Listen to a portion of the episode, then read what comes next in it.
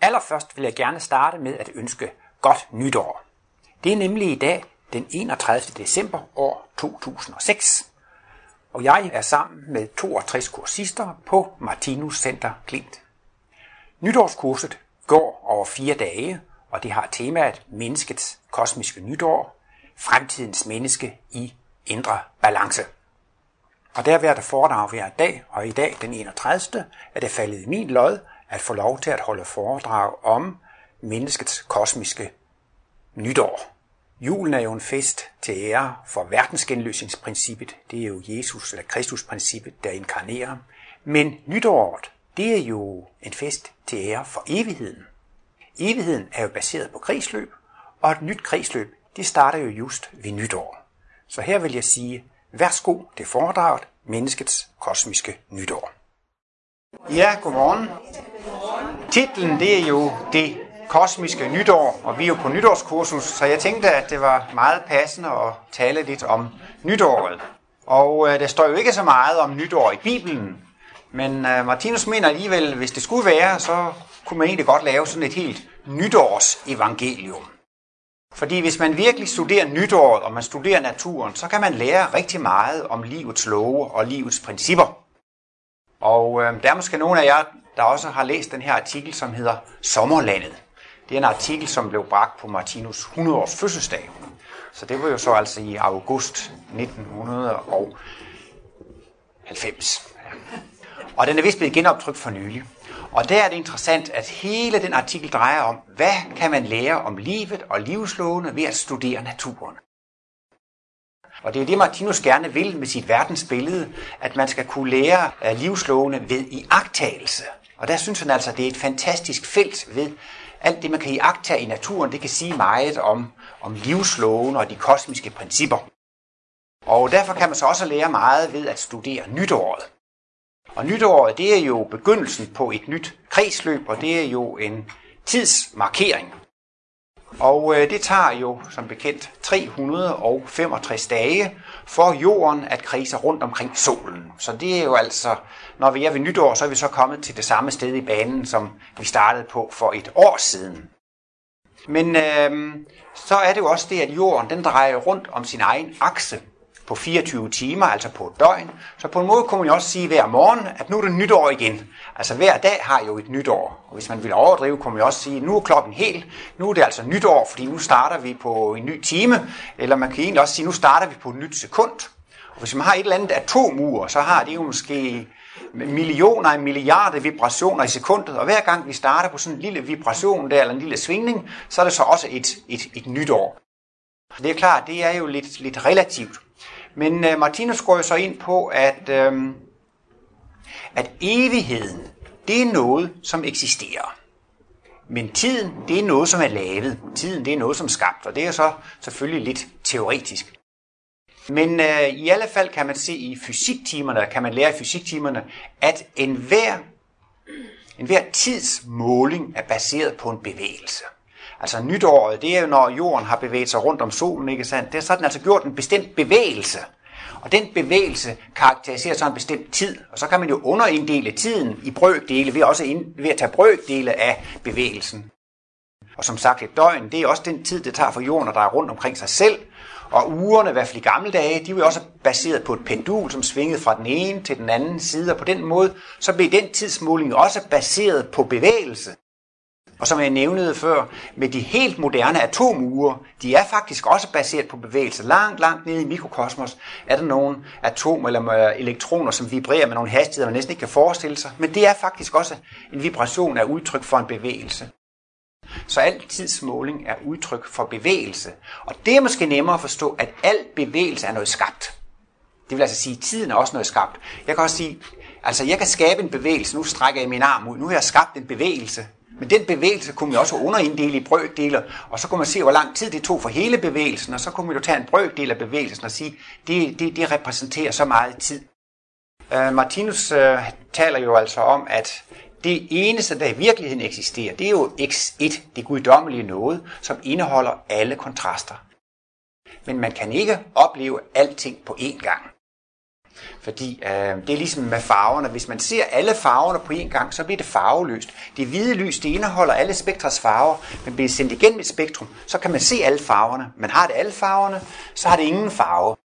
Sådan er det jo altså også, hvis man er lykkelig og ulykkelig. Eller man kan ikke være lykkelig og ulykkelig på samme tid. Man kan ikke være ung og gammel på samme tid. Man kan ikke have begge kontraster på én gang. Og det er jo det fantastiske, altså når man tager alt, hvad der eksisterer, så er det i virkeligheden ingenting. Eller rettere, det er ingenting i forhold til vores sanser. Så altså X1, det guddommelige noget, er for sanserne immaterielt, eller et tomrum, om man vil. Det, det er utilgængeligt for sansning. Men det er ikke absolut immaterielt, det er ikke et absolut ingenting. Det er bare for vores sanser, at det er et ingenting. Man kan ikke opleve alle kontraster på én gang, men man kan opleve en kontrast ad gangen. Nu sidder der en der med en rød trøje. Det er fordi, at der kommer hvidt lys med alle farver, men så er der nogle farvestoffer i trøjen, som absorberer den grønne farve. Den grønne farve den bliver udslugt, og så får den røde farve lov til at dominere. Eller der er en grøn trøje, så er det omvendt, så er det den røde farve, som bliver udslugt, og så får den grønne lov til at dominere. Det vil sige, at man kan godt opleve ting, men så er det altid, at man oplever en kontrast i fravær af en anden kontrast. Og derfor oplever man heller aldrig nogensinde den absolute virkelighed. Det er altid en, øh, en illusion. Altså, det er ikke den absolute virkelighed, men det er en øh, virkeligheden set gennem farvede briller. Og det er Martinus så inde på, at for at kunne opleve ting, så skal evigheden eller uendeligheden skal pakkes ind i små pakker. Og så kan man opleve en pakke af gangen, eller man kan opleve en kontrast af gangen i fravær af, af den anden kontrast. Og der kan man så også sige, at tiden det er faktisk altså også en begrænset evighed. Tiden den indeholder evigheden. Ligesom Martinus han taler tit om den her ært, at den er jo begrænset, men den indeholder altså evigheden. Man kan dele ærten i to halvdele, og hver halvdel kan man dele i to halvdele. Og så på, til sidst bliver det så lille, så kan vi ikke dele den længere, men han siger, det kan man jo fortsætte med i tankerne. Nogle gange kan jeg også godt lide, bare fordi at jeg har haft matematik, hvis man tager talaksen, så kan man tage på talaksen mellem 3 og 4, så har man et linjestykke med længden 1, så siger man, det, det er jo et begrænset linjestykke. Men det linjestykke kan man inddele i tiende del, i hundrede del, i tusind del, i millioner del, og et punkt har jo ingen udstrækning, så der kan man også blive ved med at gå ned. Så selvom det er et begrænset linjestykke på et, så har det alligevel evigheden og, og uendeligheden i sig. Og det er så også det, Martinus han taler om. Altså selvom vi taler om en tid, nytår er jo ligesom en, en tidsmåler, det er en tidsmarkering, men uh, tiden indeholder alligevel, det er alligevel en, en begrænset uh, evighed eller en begrænset uendelighed.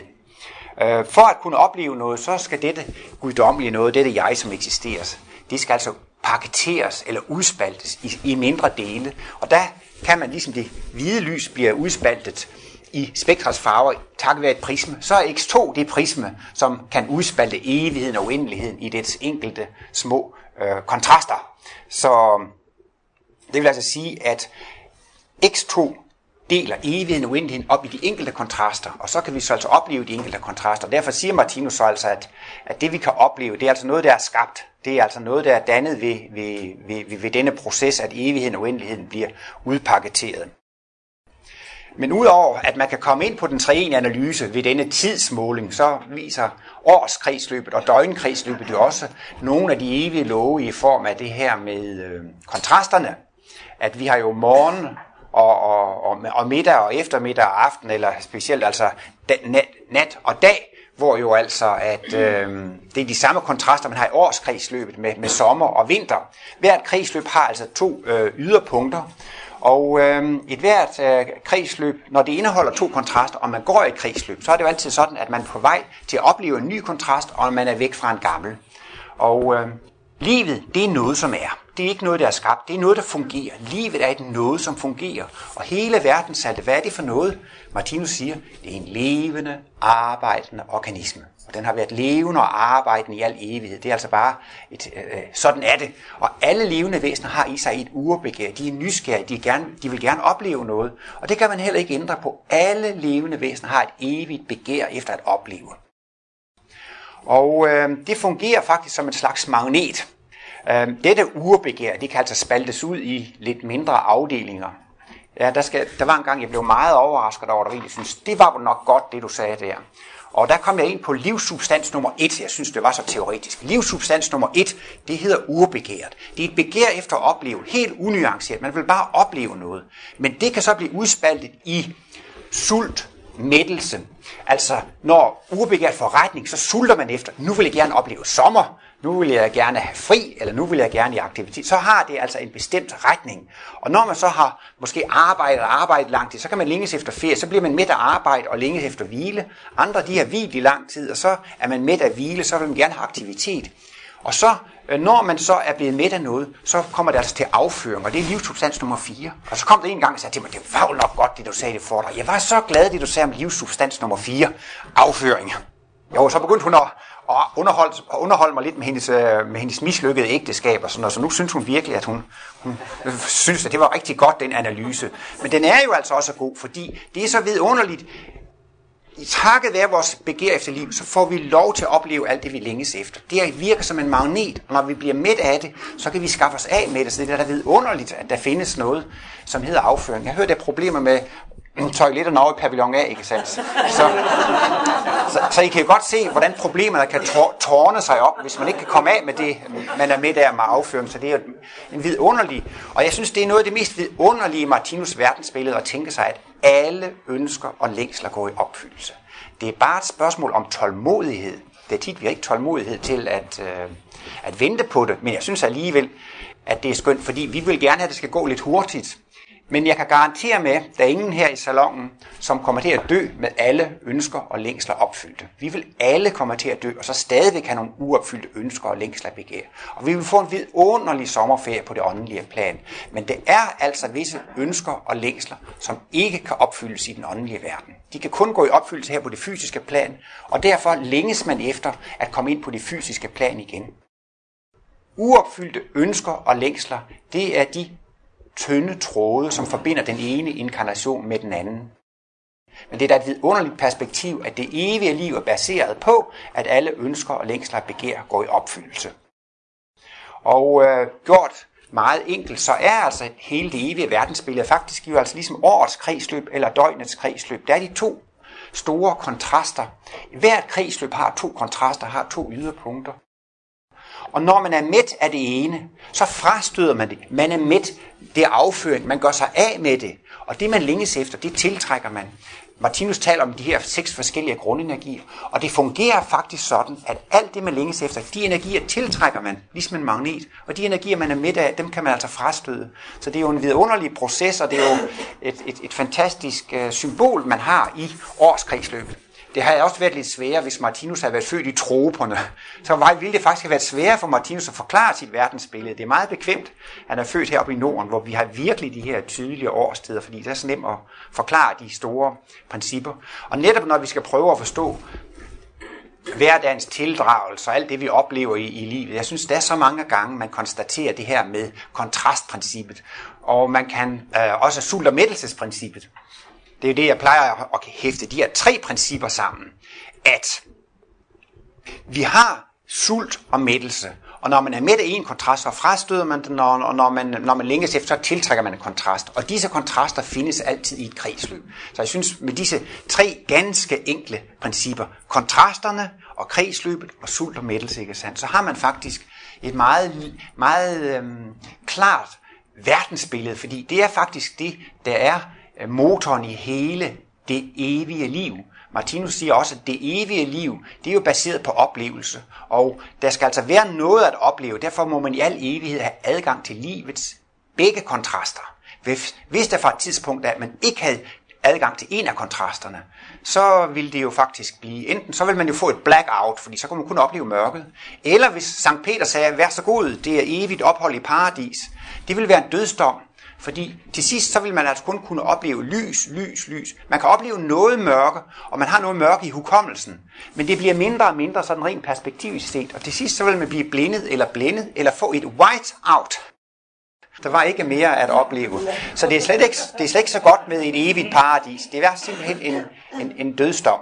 Så det er dejligt, at man i al evighed kan få lov til at øh, opleve noget nyt.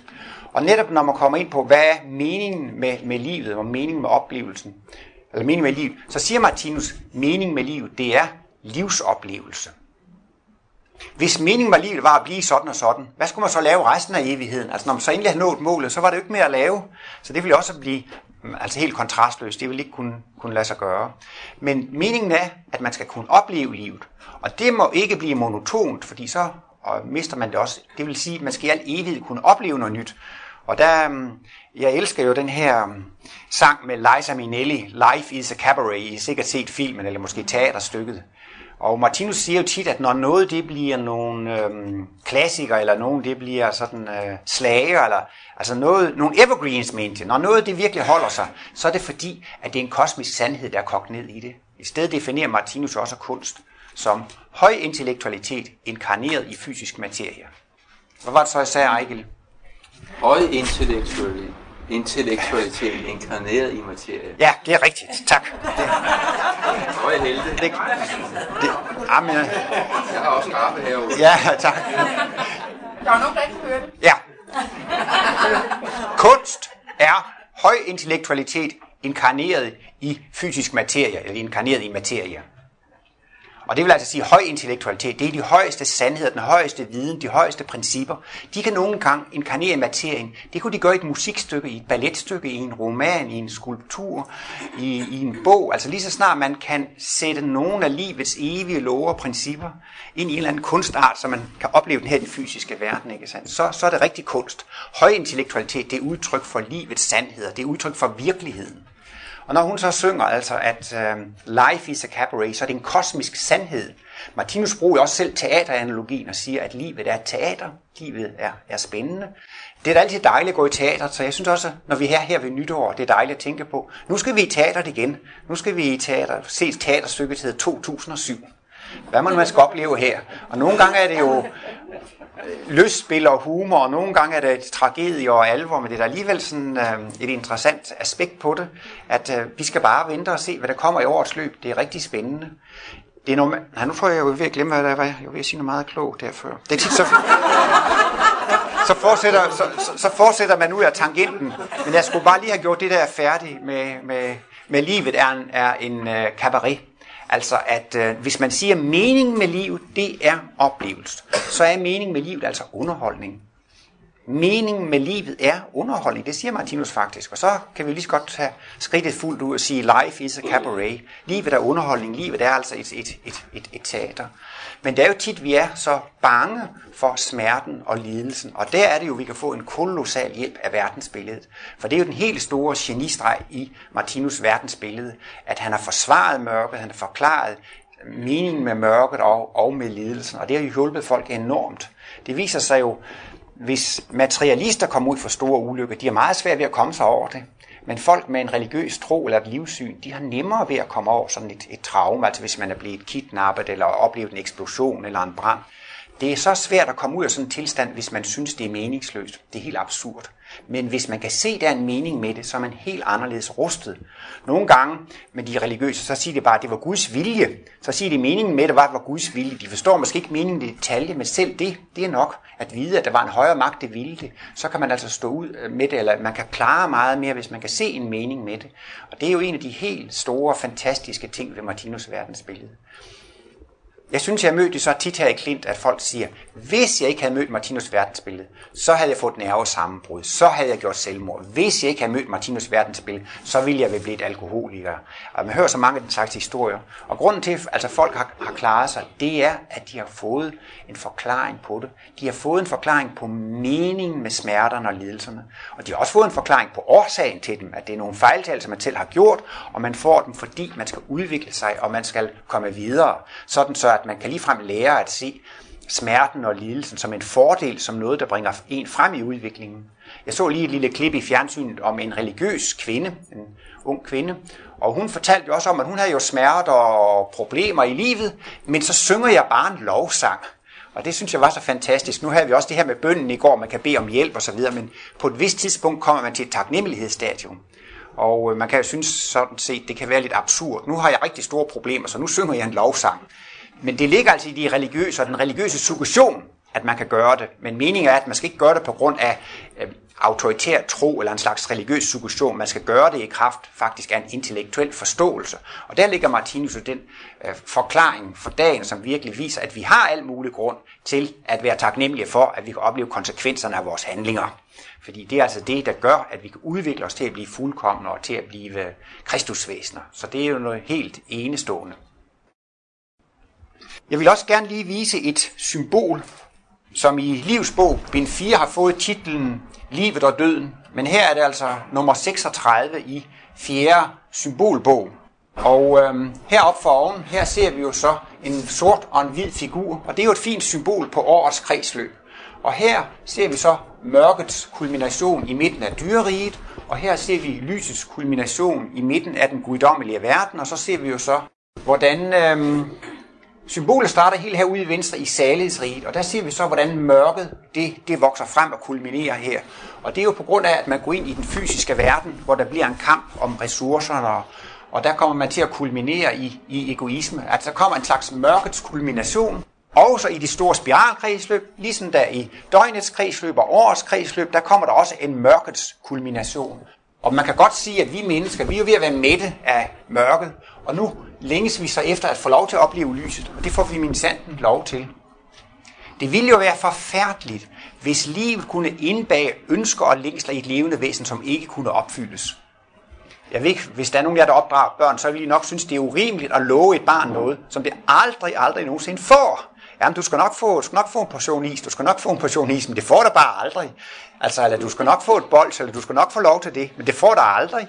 Det vil da virkelig være, være, være sadistisk eller, eller pervers. Og Martinus siger, sådan kan livet da ikke være indrettet, at der kan komme en længsel i et menneske, som aldrig nogensinde kan opfyldes. Sådan kan livet ikke være, være indrettet.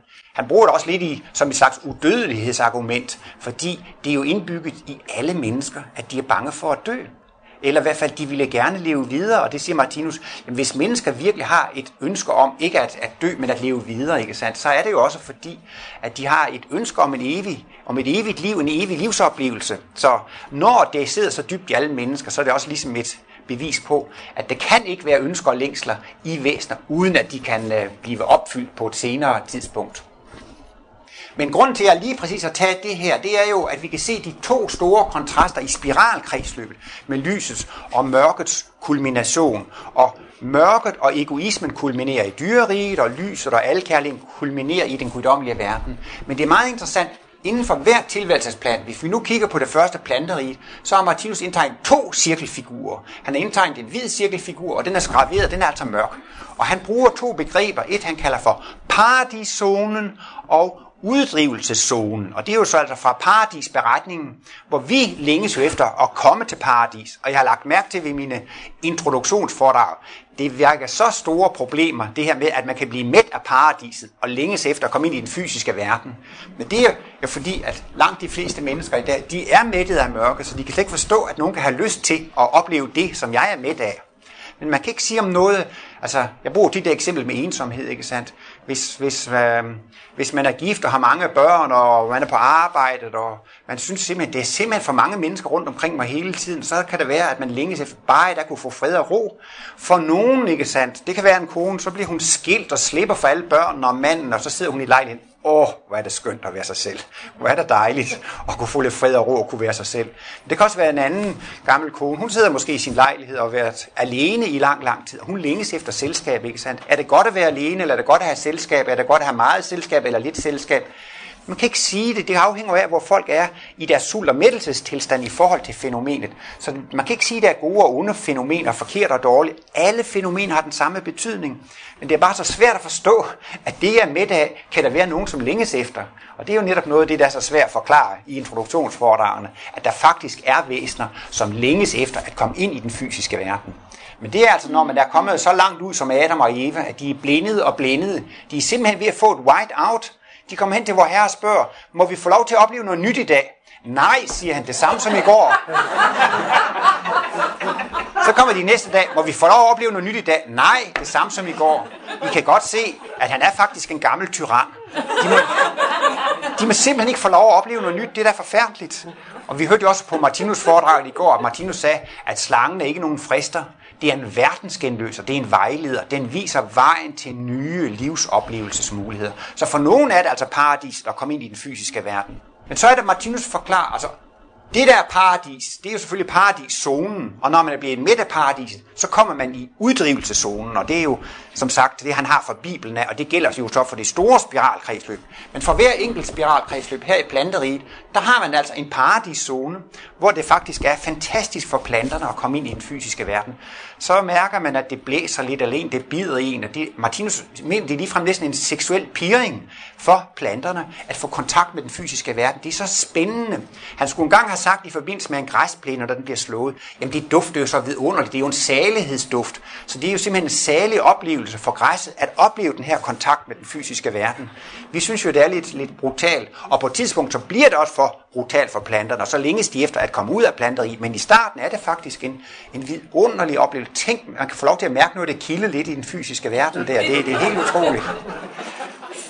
Det kan også godt være, at de bliver trætte af at stå på det, stå på det samme sted, ikke sandt? Altså, set fra vores synspunkt, synes vi, at det må da være kedeligt at stå på det samme sted, men der er lidt sjovt at kunne løbe rundt, ligesom dyrene. Hvad, jeg håber, I har fantasi nok til at forestille jer, at man kan blive midt af at være plante og så på det samme sted. Og så går man ind i den her, den sidste halvdel af planteriget, det er altså en uddrivelseszone. Og så længes man jo efter at få nogle nye oplevelser i den fysiske verden. Og så går man altså ind i paradiszonen i dyreriget. Jeg synes jo også, at specielt om foråret, når man hører fuglene synge og så videre, jeg synes, det er simpelthen paradiset, ikke? Eller når man ser løver og tiger i, i naturfilm, eller hunde og katte, som bare ligger og slikker solskin og nyder tilværelsen, det er da helt paradisisk. Så det er altså virkelig et paradis i, i dyreriet. Men vi tilhører jo som bekendt den sidste halvdel af dyreriet, og vi er ved at være trætte af egoismens virkninger. At man kæmper om ressourcerne og, og al den krig og kamp og rivalitet der. Så vi er så ved at være i uddrivelseszonen. Så det er jo meget nemt at forstå, at i hver enkelt tilværelsesplan, så er der altså en paradiszone og en uddrivelseszone. Og når jeg så har, har kaldt foredrag for det kosmiske nytår, så er det altså for at markere, altså, at vi begynder på et nyt kredsløb på et højere niveau. Det drejer sig ikke bare om 2006 og 2007, det, det er et endnu større kredsløb, hvor vi er ved at lægge et gammelt kredsløb bag os, hvor vi altså er ved at gå ud af et gammelt kredsløb. Og man kan også sige på en måde, at altså, man bliver jo drevet ud af det gamle kredsløb ved sin mættelsestilstand. Man er i en uddrivelsestilstand. Og så længes man jo efter et nyt paradis, og derfor jeg synes jo, der er altid, at, at nytår det er sådan en, en, en vidunderlig tid, en meget spændende tid. Hvad bliver det nye og det spændende, som man kommer til at opleve? Der har jeg lige en lille parentes. Hvis man læser i bogen Bisættelse, der skriver Martinus meget om at sove og øh, om positive tanker. Og der har man jo så altså døgnkredsløbet. Og der har Martinus en længere udredning om, hvad der sker, hvis man sover for lidt. Og det er jo altså ikke så godt man får ikke repareret nervesystemet, og man kan blive nervøs og få hovedpine. Men det er heller ikke godt at sove for lang tid. Det kender jeg også selv til. Hvis man sover for længe, så ender det også med, at man får hovedpine. Eller hvis man ligger så hele eftermiddagen, så får man også hovedpine. Så man kan både sove for lidt og for meget. Jamen, hvor meget skal man så sove? Og der har Martinus sådan et vidunderligt citat. Han skriver, hvis man betjener sig af lyse og positive tankeklimaer, så er det jo en så vidunderlig ting at vågne op om morgenen. Og man har en sådan lyst og glæde til at opleve dagen, at blot tanken om at fortsætte sengelejet fylder en med ubehag, hvorefter man glad og lykkelig går en ny spændende dags oplevelser i møde. Og det synes jeg det var sådan en fantastisk beskrivelse på, hvordan man kan gå i gang med et nyt kredsløb. Og sådan, også måske lidt ud fra teateranalogien, så kan vi også sige, hvor herligt det er nytår. Tænk alle de spændende ting, man skal opleve i livet. Hvad må det ligge hen om det næste hjørne? Det er utroligt og spændende. Vi er jo selvfølgelig altid lidt bange for problemerne og smerterne, men har man lidt sportsånd, så kan man jo se de udviklingsmuligheder. Så i stedet for at tænke på alle de problemer og lidelser, vi skal have, så det, det bliver spændende at se, hvilke udviklingsmuligheder livet tilbyder mig i dette år. Og så er det jo ikke noget at være bange for. Og ellers er det jo også, som vi var inde på i foredraget, i Eichels foredrag i går, at det er jo så vigtigt at komme frem til den indstilling, at sige, fader, ske ikke min, men din vilje.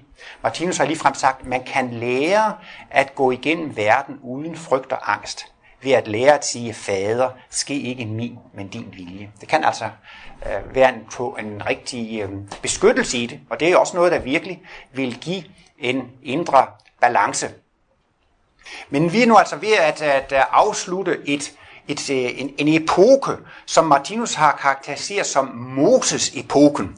Og nu er vi så ved at gå ind i Kristus-epoken. Og det kan man så også godt sige, det er det, jeg sådan har ment med det kosmiske nytår. Altså det gamle år, det bliver afsluttet, og det gamle år, det bliver afsluttet med Moses-epoken. Og den nye epoke, vi nu går ind i, det nye år, det bliver altså Kristus-epoken. Og Moses, han skabte jo en hel øh, kultur, en hel kulturstruktur, og den var jo baseret på han og hun. Den var, den var baseret på, på mand og kvinde, og den var også baseret på, at manden skal forlade sin far og mor, og han skal holde sig til sin hustru, og manden skal være kvindens hoved. Altså det var manden, som skulle bestemme over kvinden. Og Martinus er også inde på, at tidligere kunne man hævne sig i flæng, og hvis de slog en af os ihjel, så slog vi 10 af deres ihjel. Men øh, der blev også, hævnen blev sat i system, og det var meget strengt. Tand for tand og øje for øje. Og det stod vist også blot slag for blot slag, så hvis man har givet en et blot mærke, så eller man har fået et blåt mærke ind, så skal man give det tilbage, så han også får et blåt mærke. Martinus siger, at på den måde blev hævnen jo begrænset, men på den anden side, så bliver den altså også faktisk en fuldstændig talentkerne. Altså hævnen blev i den grad sat i system, og det blev i den grad talentkerne. Så man kan sige, at dengang kunne det måske være en fordel, at hævnprincippet blev begrænset lidt, men i dag er det faktisk menneskehedens største problem, at man tror, man har ret til at dræbe i selvforsvar. Man tror, man har ret til at have et militært forsvar for at, at forsvare sig. Så det er virkelig et af de helt store problemer. Og øh, hovedtemaet for kurset, det er jo også denne indre balance. Og der må man jo så sige, at vi mennesker har jo absolut ikke en total kosmisk balance. For rent kosmisk set, så består vores øh, balancesituation jo af de to polers udviklingstilstand. Og hvis man er dobbeltpole, så har man en total balance. Så har man en total indre balance. Men hvis den ene pol er degenereret, og den anden er dominerende, så er man ikke i nogen indre balance. Og vi er så delt i hanner og hunder, og der taler Martinus så om, at vi er faktisk kun halvvæsener. Vi er kun halvvæsener. Og det gør, at vi egentlig er nogle sølle stakler, fordi vi er ikke suveræne. Vores lykketilstand afhænger af vores tilgang til det modsatte køn. Og der er jo så den største lykke, når man får, et, kan få en partner af modsat køn. Men det, det, det, det ligger også noget meget reelt i det. Martinus han taler jo om, at den seksuelle vellystfornemmelse, det kan man jo opleve i den seksuelle akt og i forelskelsen og parring og hele den historie. Så siger Martinus, at det er Guds ånd, man oplever i den seksuelle vellystfornemmelse. Man kan ikke få nogen mere realistisk oplevelse af den hellige ånd i kød og blod, end i form af den seksuelle vellystfornemmelse. Og det forklarer Martinus så, at det er den gamle kosmiske bevidsthed, omsat i automatfunktion. Den gamle kosmiske bevidsthed, omsat til en instinktfunktion. Så det instinktiv, man siger også, at seksualdriften, det er et instinkt, så det, den, det seksuelle instinkt, det er altså øh, en gammel kosmisk bevidsthed, som er omsat i automatfunktion. Så det er altså faktisk den gamle Guds kontakt fra den tidligere spiral, som opleves i den seksuelle velløsfornemmelse. Og det er jo så uanset om man er materialist eller ej, så har man altså denne Guds kontakt, så det er jo meget guddommeligt. Og det er så altså det, at disse stakkels halvkønsvæsener oplever kun lykken og glæden og får den rigtige Guds fornemmelse i foreningen med det modsatte køn. Og øh, der står jo netop i Bibelen, at manden skal holde sig til sin hustru, og de skal blive et kød. Og det er jo også et fint symbol på, at det bliver et kunstigt dobbeltpolet væsen. For i det, at mand og kvinde smelter sammen til et kød, så er det et dobbeltpolet væsen. Og så kan man sige, så er den balance der faktisk, fordi så er det både mand og kvinde, så er det et dobbeltpolet væsen. Og sådan fungerer de kosmiske love altså, at når man er dobbeltpolet, så har man adgang til at opleve Gud. Og når man er enpolet, så er man længst væk fra Gud. Og netop i dyreriget, der har vi jo altså en tung fysisk krop. Vi føler os identisk med vores fysiske krop. Vi føler os totalt adskilt fra andre, og når man kulminerer som en ateistisk selvmorder, så er man jo altså så langt borte, at man kan komme fra Gud og fra alle andre levende væsener. Men det er jo så den kontrast, der senere danner baggrund for, at det er så vidunderligt at få kosmiske glimt og få kosmisk bevidsthed, fordi man har oplevet kontrasten. Så det er et vældigt gode, at man kan få lov til at kulminere i materialismen, og man kan virkelig sige, at man bliver fængslet i den fysiske krop. Man kunne næsten også sige, at man blev sat i fængsel, eller puttet i skammekrogen, altså man bliver sat ned i en fysisk krop, så har man ikke ret stor bevægelsesfrihed sammenlignet med den kosmiske bevidsthed. Ja, bare man skal til Australien eller USA, så skal man jo sidde i en flyvemaskine de 12 timer. Det går endda vanvittigt hurtigt. Men det er da alligevel lang tid, man skal bruge på at flytte sin fysiske krop fra det ene til, til det andet sted. Så man er virkelig meget bundet og begrænset her i den fysiske krop.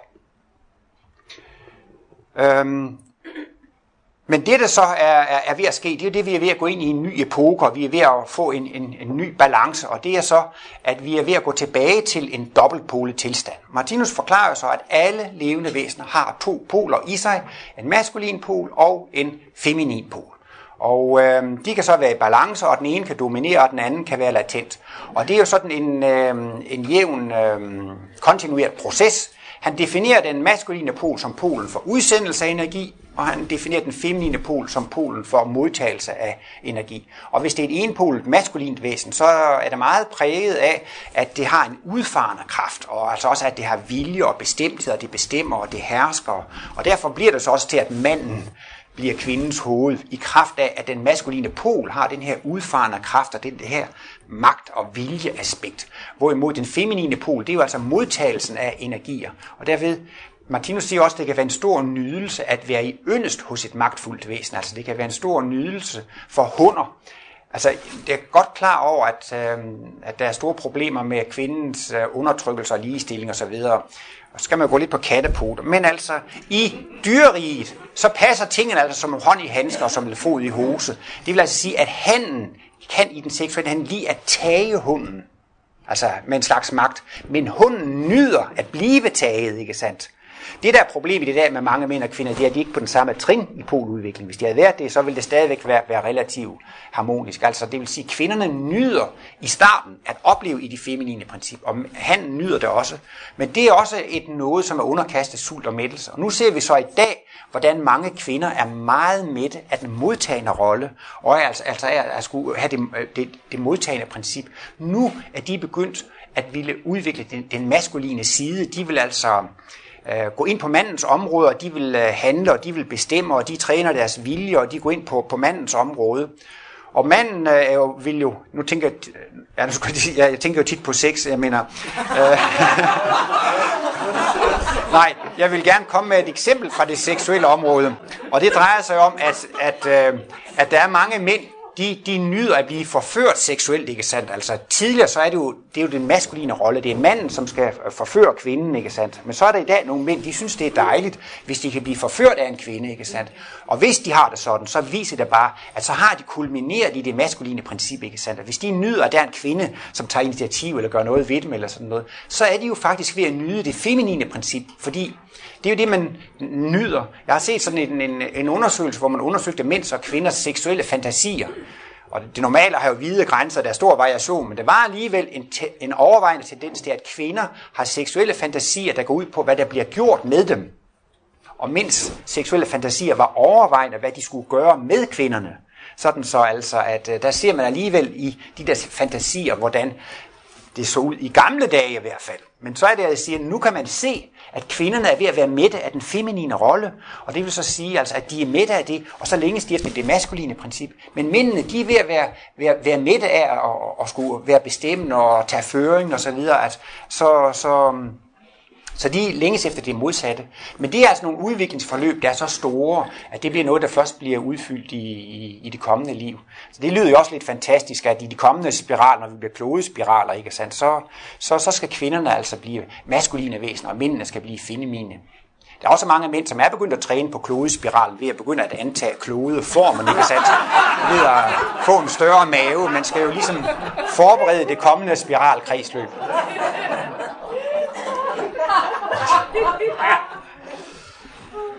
Men vi er så inde i en epoke, hvor vi er ved at udvikle os fra at være enpolet til at være dobbeltpolet. Og kvinden er ved at udvikle sin maskuline pol, og manden er ved at udvikle sin feminine pol. Og der er så mange ting i samfundet og i aviserne og i kulturhistorien, der viser altså, at kvinderne er ved at udvikle sig og gå ind på mandens område, og manden er ved at gå ind på kvindens område. Der er så mange tegn på, at man er ved at udvikle sig frem mod dobbeltpoletid.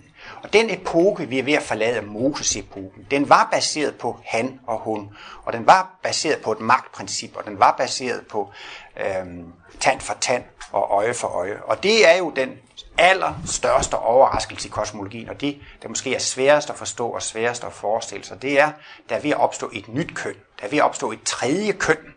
Der skal altså ikke blive ved med at være mænd og kvinder. Der skal være et tredje køn. Og dette tredje køn, det er altså det dobbeltpolede køn. Martinus siger også, at menneske, de fleste mennesker, de har ingen anelse om, hvad der, er, der foregår i deres eget indre. Hvad der foregår i deres eget bryst, eller hvad der foregår i deres egen bevidsthed. De har ingen anelse om, at det er sådan en kolossal forandring, der er ved at ske. Og det vil så altså sige, at der er faktisk en mand, som er ved at vokse frem ind i kvinderne. Og der er en kvinde, som er ved at vokse frem ind i manden. Og man kan sige, at den enpolede struktur, den udgør en krigens anatomi. Jeg har hørt, at der efter 2. verdenskrig var der en mand, som skrev en bog, som hed Fredens anatomi. Og så har jeg bare stjålet titlen derfra ved at så sige, den enpolede struktur er krigens anatomi. Hvis man skal kunne gå, så skal man have en anatomi, der passer til det. Så skal man have ben, så man kan gå. Hvis man skal se, så skal man have øjne til at se. For at udføre en funktion, så skal der også være nogle organiske forudsætninger. Og skal man kan gribe en bold, jamen, så skal man have en arm og nogle fingre. Og sådan er det så altså, at hvis man skal praktisere alkærlighed, så skal der være nogle organiske forudsætninger, som er opfyldte. Og vi har som enpolede væsener ikke de organiske forudsætninger for at praktisere alkærlighed. Hvis man er enpolet, så er man altså prædestineret til at elske det modsatte køn. Man er organisk indrettet til at elske det modsatte køn.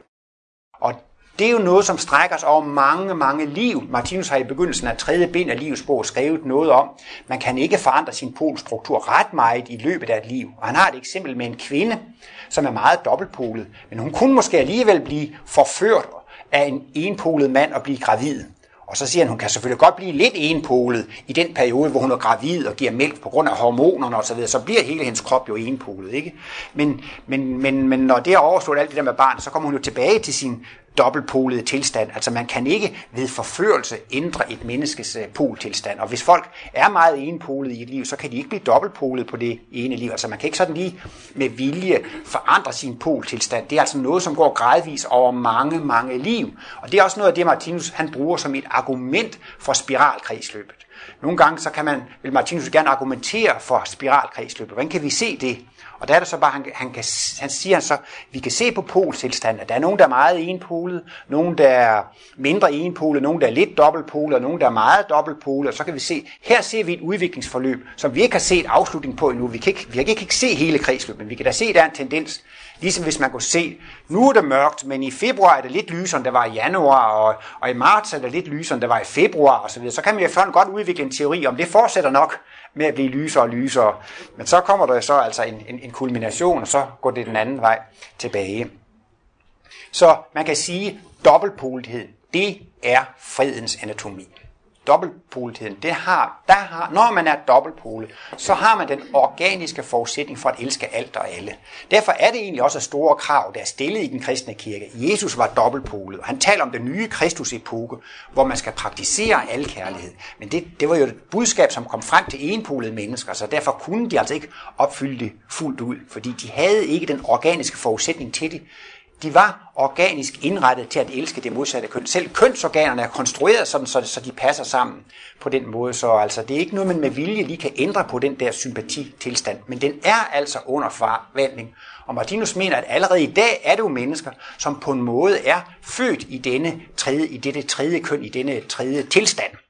Og øhm, når, når man kan sige, at enpoligheden det er krigens anatomi, så er det fordi, at Årsagen til al krig, det er partiskhed. Lige så snart man bliver partisk og tager parti for nogen mod andre, så er man altså i, i, i, i krig, så at sige. Det kan være forældre, de er så glade for deres børn, og de har fire børn, de er så der, ah, den fjerde der er måske ikke så rart, men altså de tre, dem elsker de højt, og det er jo fint og godt, men det er jo meget traumatisk og meget ødelæggende for det fjerde barn, som ikke føler forældrenes kærlighed. Det er så ødelæggende. Det nævner bare, det er aldrig godt at tage parti, fordi det er altid minus. Lige så snart man favoriserer nogen, så bliver det et minus for andre. Og sådan er det altså med den ene polestruktur. Man kan ikke lade være med at tage parti for nogen, for nogen, og så går det altså altid i, i, imod andre. Og øhm, den organiske forudsætning for at kunne elske alt og alle, er altså, at man bliver dobbeltpolet. Så det, der sker nu, det er altså, at den maskuline pol er ved at vokse frem i kvinderne. Og det skal komme sådan, at kvinderne skal kunne elske sit eget køn lige så meget, som de elsker det modsatte køn. Og øhm, der er altså at sige, at, at kvinden er ved at udvikle noget maskulint i sig. Og det er egentlig ikke meningen, at en kvinde skal elske en anden kvinde. Men det, der er tale om, det er, at det er den maskuline pol, eller det maskuline i kvinden, skal elske kvinden. Man synes, det er så forkert, at en kvinde skal elske en kvinde, altså at man er homoseksuel. Det er så naturstridigt. Men det, at, at en kvinde elsker en mand, det er helt i overensstemmelse med naturen. Men det er ikke spor naturstridigt i det dobbeltpolede, fordi når man bliver dobbeltpolet, så er det det maskuline i kvinden, som elsker andre kvinder. Det svære ved det, det er, at der findes et overgangsstadium, hvor mennesket er mentalt dobbeltpolet, men ikke fysisk dobbeltpolet. Det vil altså sige, at det fysiske slipper lidt efter. Altså på et tidspunkt, så når man, når man, når man har nået en vis kærlighedsstandard, og fået kosmisk bevidsthed, så kan man elske alt og alle. Men kroppen halter lidt efter, så det vil jo faktisk sige, at vi oplever på den måde, at man faktisk har en dobbeltpolet bevidsthed i en enpolet krop. Og det er det, der gør det så meget. Så det får det til at se lidt mærkeligt ud. Og øhm, Martinus, han taler så også i livets bog om to typer mennesker. Der findes mennesker, som er dobbeltpolede i bevidstheden, men som stadigvæk er en mand og en kvindekrop. Og så findes der mennesker, som er dobbeltpolede både i bevidsthed og i kroppen. Men hvis en kvinde skal opnå 100% indre balance, så må hendes maskuline pol og hendes feminine pol være fuldstændig jævnbyrdige. Og det vil sige, at kvindens pol skal udvikles, og Martinus taler om, at det er tale om seksuelle poler. Det er tale om maskulin pol og en feminin pol. Og det vil altså sige, hvordan kan kvinden få den balance, hvordan kan hun bringe sin maskuline pol op i balance Kvinden har i år millioner oplevet livet igennem den feminine pol. Kvinden kan ikke få de to poler i balance, uden at opleve liv igen den maskuline pol. Det kan ikke lade sig gøre. Jeg bruger også nogle gange sammenligning med, hvis man nu skulle være så uheldig at brække en arm, så og gå med armen i gips i 8 uger, så svinder musklerne jo ind, ikke? Og så står man så der med en stærk arm og en, og en tynd arm. Hvordan skal de to arme komme i, i, i lige balance igen? Det kan de kun gøre ved, at den arm, der er lidt forsvækket, den skal trænes op, og så kan den trænes op til at komme i balance med den anden. Og det vil sige, for kvindens vedkommende, så er hun nødt til at opleve livet igennem sin maskuline pol, for at få den til at vokse. Og det vil sige, at kvinden skal have nogle oplevelser, hvor hun føler, at hun er mand. Dobbeltpolvæsen spænder over det hele, både det maskuline og det feminine. Altså, ingen kvinde kan få kosmisk bevidsthed. Ingen mand kan få kosmisk bevidsthed. Det er kun dobbeltpolede væsener, der kan få kosmisk bevidsthed. Man kan ikke få kosmisk bevidsthed, før de to poler er i balance. Og det vil sige, at det er uomgængeligt for kvinder at komme til at opleve livet igennem deres maskuline pol. Og så lige sådan med mænd. Mænd kan ikke blive dobbeltpolet, uden at de får lov til at opleve livet igennem deres maskuline pol. Og der siger Martinus altså, at... Nå, jamen det er da dejligt at høre. Det var lige en lille test. For at se, om I sov. Og, og... Så det er da dejligt at se, at, at det er også derfor, i lang tid, så har jeg kun talt om kvinder, dels jo for at fedt lidt for kvinderne, og fordi der er så mange kvinder, så er det også nemmere at forstå. Og så skulle jeg lige se at tage det modsatte der, så er det, man, man forveksler det. Så, men øh, det der, det der altså er, er pointen i det, det er, at på et vist tidspunkt, så når den modsatte pol frem til dagsbevidstheden. Man skal blive dagsbevidst og hjernebevidst i den nye pol. Og det er en helt ny oplevelse. Martinus siger, den nye pol, den har også, den bærer også intellektualiteten. Og det der forskel på dyr og mennesker, det er intellektualiteten. Menneskene er jo dyrene overlegne på grund af deres intelligens eller deres intellektualitet. Derfor kalder han jo så også den nye pol for den intellektuelle pol. Og der har vi endnu ikke mærket noget kønsligt udslag af den. Han taler lige frem om, at der er en mødomshinde omkring den nye pol. Og han sammenligner med, eller han siger, fra naturens side, så er den lille piges mødomshinde faktisk ment som en beskyttelse mod seksuelle overgreb. Og sådan er det så faktisk altså også en slags beskyttelseshinde om den nye pol. Den skal altså ikke penetreres for tidligt, ligesom mødomshinden hos en lille pige ikke skal penetreres for tidligt. Men på et eller andet tidspunkt, så brister mødomshinden om den nye pol. Og når den brister, så bliver man hjernebevidst eller dagsbevidst i den modsatte pols seksuelle natur. Og det bliver selvfølgelig en meget stor overraskelse. Og det allerbedste, det er jo, at man ikke kommer ud for prostitution og forførelser og udskejelser. Der er mange folk, som kommer ud i nogle seksuelle eksperimenter på grund af seksuel afholdenhed, eller på grund af seksuel overdrivelse, på grund af forførelser, på grund af overtagelse, på grund af tvang og på grund af penge osv. Men den mest vidunderlige, den mest naturlige åbning af den nye pol, det er for eksempel, hvis der er to kvinder, der sidder ved siden af hinanden til et foredrag, eller de på en arbejdsplads, så lige pludselig så mærker den ene kvinde spontant indefra en seksuel tiltrækning til den anden kvinde. Det er måske noget, der kilder lidt, og en tiltrækning, eller hun, og hun føler altså, at det er seksuel karakter, og hun bliver så overrasket over det. Hvor kom det fra? Og hun synes altså, hun er. Så kan man sige, så er det kommet rigtigt. Når det kommer fuldstændig spontant, når det kommer som en overraskelse, der kommer indefra, det er det samme med de kosmiske glimt. Det er heller ikke noget, man skal jage og prøve at pæse frem. Hvis man får et kosmisk glimt, når man er glad og lykkelig, så kommer det også fuldstændig overraskende og, og fuldstændig spontant. Det, det, kommer, det kommer indefra. Og det, altså, der er så mange, der er meget imod det homoseksuelle, og det kan jeg godt forstå, fordi folk tror, at det er en kvinde, som skal elske en anden kvinde. Men det skal aldrig forekomme. Det er ikke naturligt. Det er unaturligt, at en kvinde elsker en anden kvinde.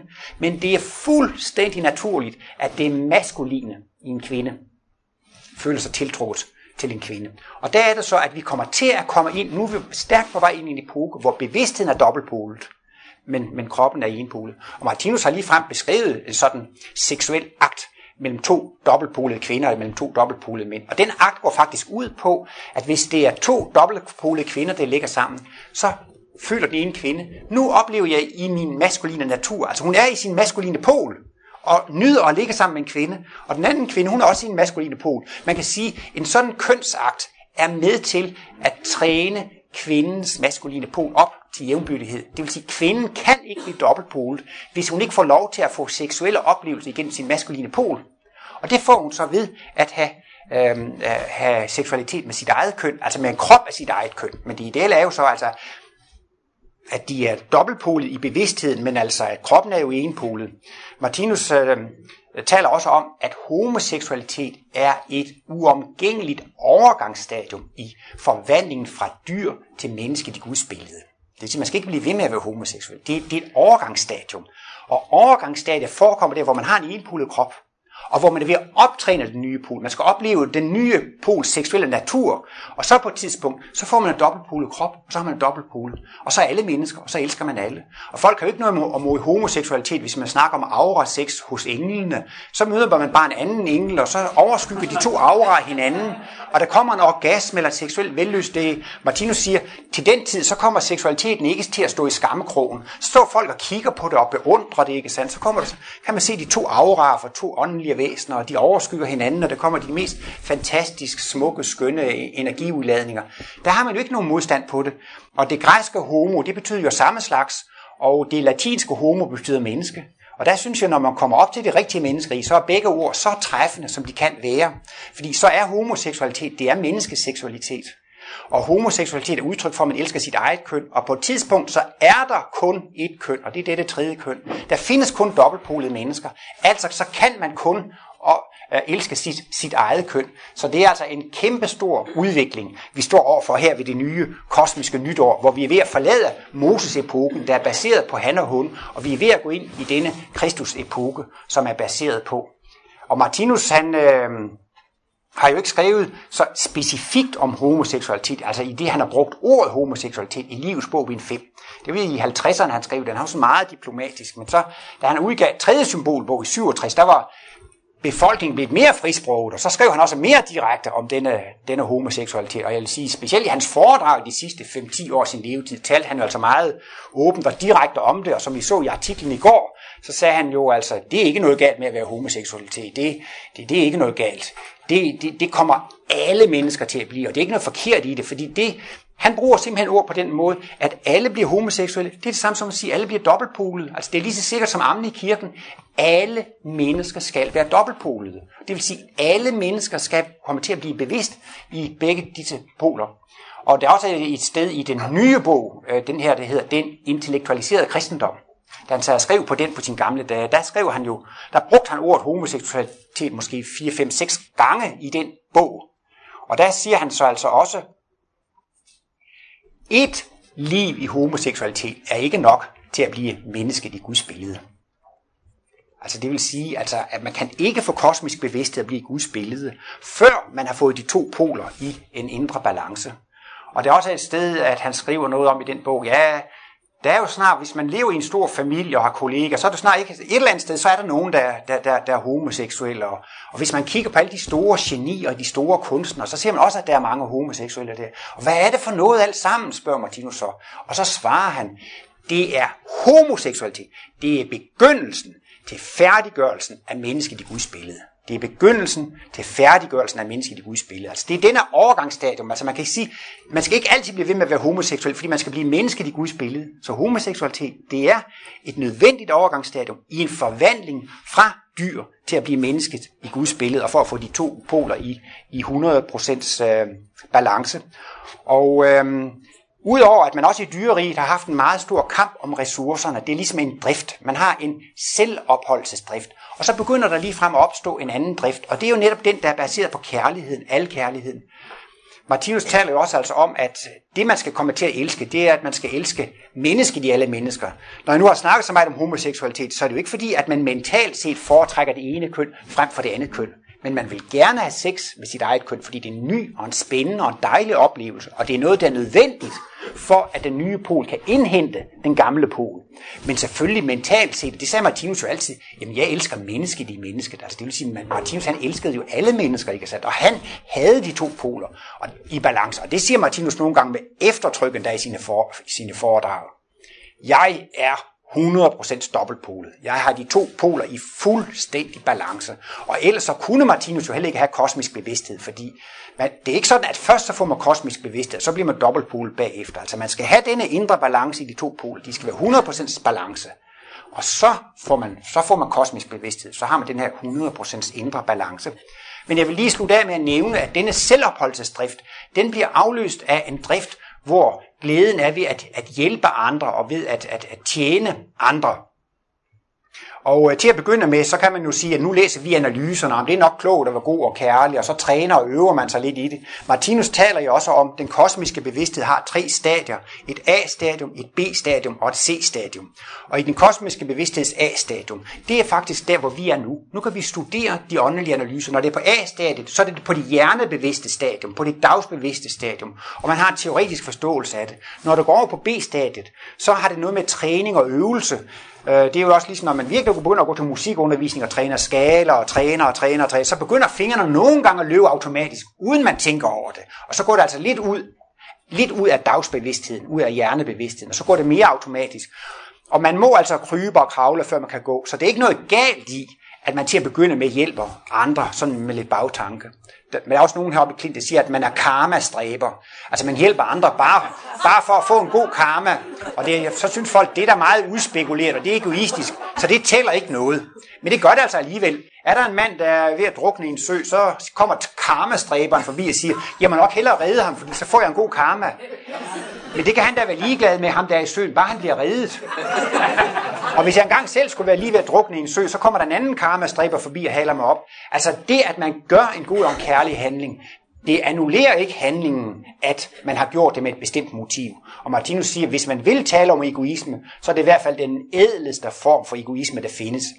Fordi det kan ikke skade andre, men det kan godt være, men det gør ikke noget, det er så i, måske i næste kærlighedens A- og B-stadium, men længere hen i B-stadiet begynder det at gå mere automatisk, og i C-stadiet, det virtuos, der går det helt automatisk, men det er altså også sådan, man har det simpelthen ikke godt, hvis man ikke får lov til at tjene andre, og man har det meget dårligt, og jeg vil jo sige, at materialismen, det er jo egoismens evangelium. Altså, når man nu hører om sommerhuspriser i Klint, og huspriser i København, og ja, aktier osv., altså, jeg synes, næsten alle mennesker går rigtig op i i dag, det her med, hvordan man skal sætte sine penge i, hvordan man kan få den største afkast af, af, af sine formuer, hvilke pensionsordninger man skal have. Jeg synes, det er blevet så utroligt. Og det går jo alt sammen på, hvordan kan jeg bedst øh, skaffe mig en god øh, udgangsposition. Så man spekulerer jo virkelig meget i, hvordan jeg kan tjene, om man så må sige, på, på bekostning af andre. Jesus, øh, om Jesus sagde man jo om, om menneskesynden, eller han sagde, Øh, at fuglen har sin rede, og reven har sin hule, men menneskesønnen har end ikke en sten at hælde sit hoved til. Altså han havde ikke engang en sten som hovedpude, så, så han jo ikke ejet ret meget. Men altså for et kristusvæsen, så ville det være så ubehageligt at vide, at jeg har tilegnet mig værdien af andres arbejdsindsats. Altså de har det simpelthen bedst, hvis de kan tjene, og hvis de kan, øh, hvis de kan hjælpe andre. Så det bliver en kolossal forandring. Når vi skal til lønforhandlinger i fremtiden, nej, nej, det er alt for mig. Det kan jeg slet ikke tage imod. Nej, nej. Nej, nej, nej, jeg vil slet ikke bo i pavillon al pavillon. Lad mig bo lige på campingpladsen. Eller, øh, altså, at, altså bare tanken om, at man har gjort noget, hvor man har fået det bedre end andre, det, det fylder altså en med, med, med, med ubehag. Jeg så også lige en, lidt af en Kim Larsen film for nylig. Hvad er det, den hedder? Midt, midt om natten. Og der er det jo så, at han synger, lykken er kort og livet er langt, og salige er de, som tør give det bort. Og øh, det, det, det er jo sådan en rigtig slag, og det bliver også lidt af en evergreen, ikke sandt? Og det synes jeg, det var jo også øh, det, der er Kristus-princippet, ikke sandt? Lykken er godt, men livet er langt, men sale er de, der tør give det bort. For det er jo egentlig kernen i næste kærligheden. Det er det, at man vil give, og faktisk også, at man vil give sit liv for andre. Og det gjorde Jesus. Ved at give sit liv, så viste han, hvordan det rigtige menneske handler. Martinus siger, det var så stor en begivenhed. Det var et kosmisk glimt for jordkloden. Indtil da var det logisk at hævne sig. Men efter det, så var det vist, at man kan handle på en helt anden måde. Også de der øh, præster, som gik ud af en robåd, en redningsbåd ved Titanic, de gik i bølgerne, og så reddede de andre. Det er også virkelig at give sit liv for andre. Det kan også være et ægtepar, hvor den ene gerne vil have en uddannelse, så siger den anden, jamen jeg kan da arbejde over, så du kan få din uddannelse. Eller Altså, hvis der er nogen, man gerne vil hjælpe, så vil man gerne påtage sig et ekstra arbejde, en ekstra anstrengelse for, at de andre kan gøre det. Det er da også at give sit liv for andre, at, at, at, at arbejde ekstra. Så det er altså virkelig det, der er næste kærlighed. Men også det, at man føler en glæde og en lykke ved at give andre. Nu kan man selvfølgelig også blive så opsat, at jeg skal give, og jeg skal give, men altså man skal også tænke på, at skal der være balance i det, så kan man jo ikke give mere end 50% af tiden, fordi så får de andre stakler jo ikke lov til at give, og det er jo ikke næste kærligt. Så i den sidste ende skal der jo også være en indre balance, at man kan få lov til at give 50% af tiden, men man kan også få lov til at modtage 50% af tiden, så det bliver jo en øh, vidunderlig tid, og Martinus taler jo om, at Motivet for de åndelige verdener, det er næste kærlighed. Og hele kunstens væsen, det er også gave. Tænk, hvor sådan Beethoven og Bach, eller Beatles, eller Arbe eller hvem nu det er, de er da virkelig kommet og har afleveret en gave. Tænk, hvor mange gange folk er blevet glade for at sætte den musik på, ikke sandt? Eller hvis det er malerier, folk siger, nej, hvor bor jeg hyggelig, og de har nogle dejlige malerier på væggen og sådan noget. Det der er en fantastisk gave, og det er så også det, det ligger i de store kunstners bevidsthed, ikke sandt? De har ikke gjort det for at tjene penge og blive berømte. De er jo som regel meget fattige, ikke sandt? Men altså, de har gjort det, fordi de ikke kunne lade være, og de har givet en gave, som i den grad har, har glædet menneskene. Og det er jo så det kosmiske nytår, vi er på vej ind i, at vi kommer fra en epoke, hvor den største glæde, det er at have magt og det er at besidde ting, og det er at herske og styre og kontrollere over mennesker. Det er den epoke, vi er ved at forlade, og nu er vi så ved at gå ind i et nyt kosmisk nytår, og der er vi ved at gå ind netop i Kristus-epoken, hvor det bliver en sådan nydelse og sådan en glæde at, at give andre og tjene andre, ikke sandt? Og det er jo genialt. Det, det er også tit, når jeg holder foredrag om karma-princippet, så siger de bare, at det er egoistisk, og så siger du bare, at de er fattige, og det er deres egen skyld. Men nu er jeg så ved at huske altid at pointere, at vejen til lykken, det er at gøre andre lykkelige. Og så er der noget andet, så får man et andet forhold til karmaloven, ikke sandt? At man virkelig indser, du kan ikke blive lykkelig ved at investere i de aktier, eller ved at tage de der øh, værdier fra Det eneste, der kan gøre dig lykkelig, det er, at du gør andre mennesker lykkelige. Ikke sandt? Og når alle ser det, så kommer der også denne balance med 50% til den ene og til den anden side, altså at man, man trives i at, at, at tjene og gøre andre. Og det bliver en drift, altså ligesom man har en selvopholdelsesdrift, så får man altså også sådan en, en kærlighedsdrift. Og så siger Martinus nogle gange, ja, vi står jo foran nogle verdenskrige og nogle katastrofer. Men så siger han, men hvad gør dog det, at der er visse besværligheder forud, når man tænker på, hvilken umådelig lys og lykkelig fremtid, der ligger og venter på menneskene. Tak.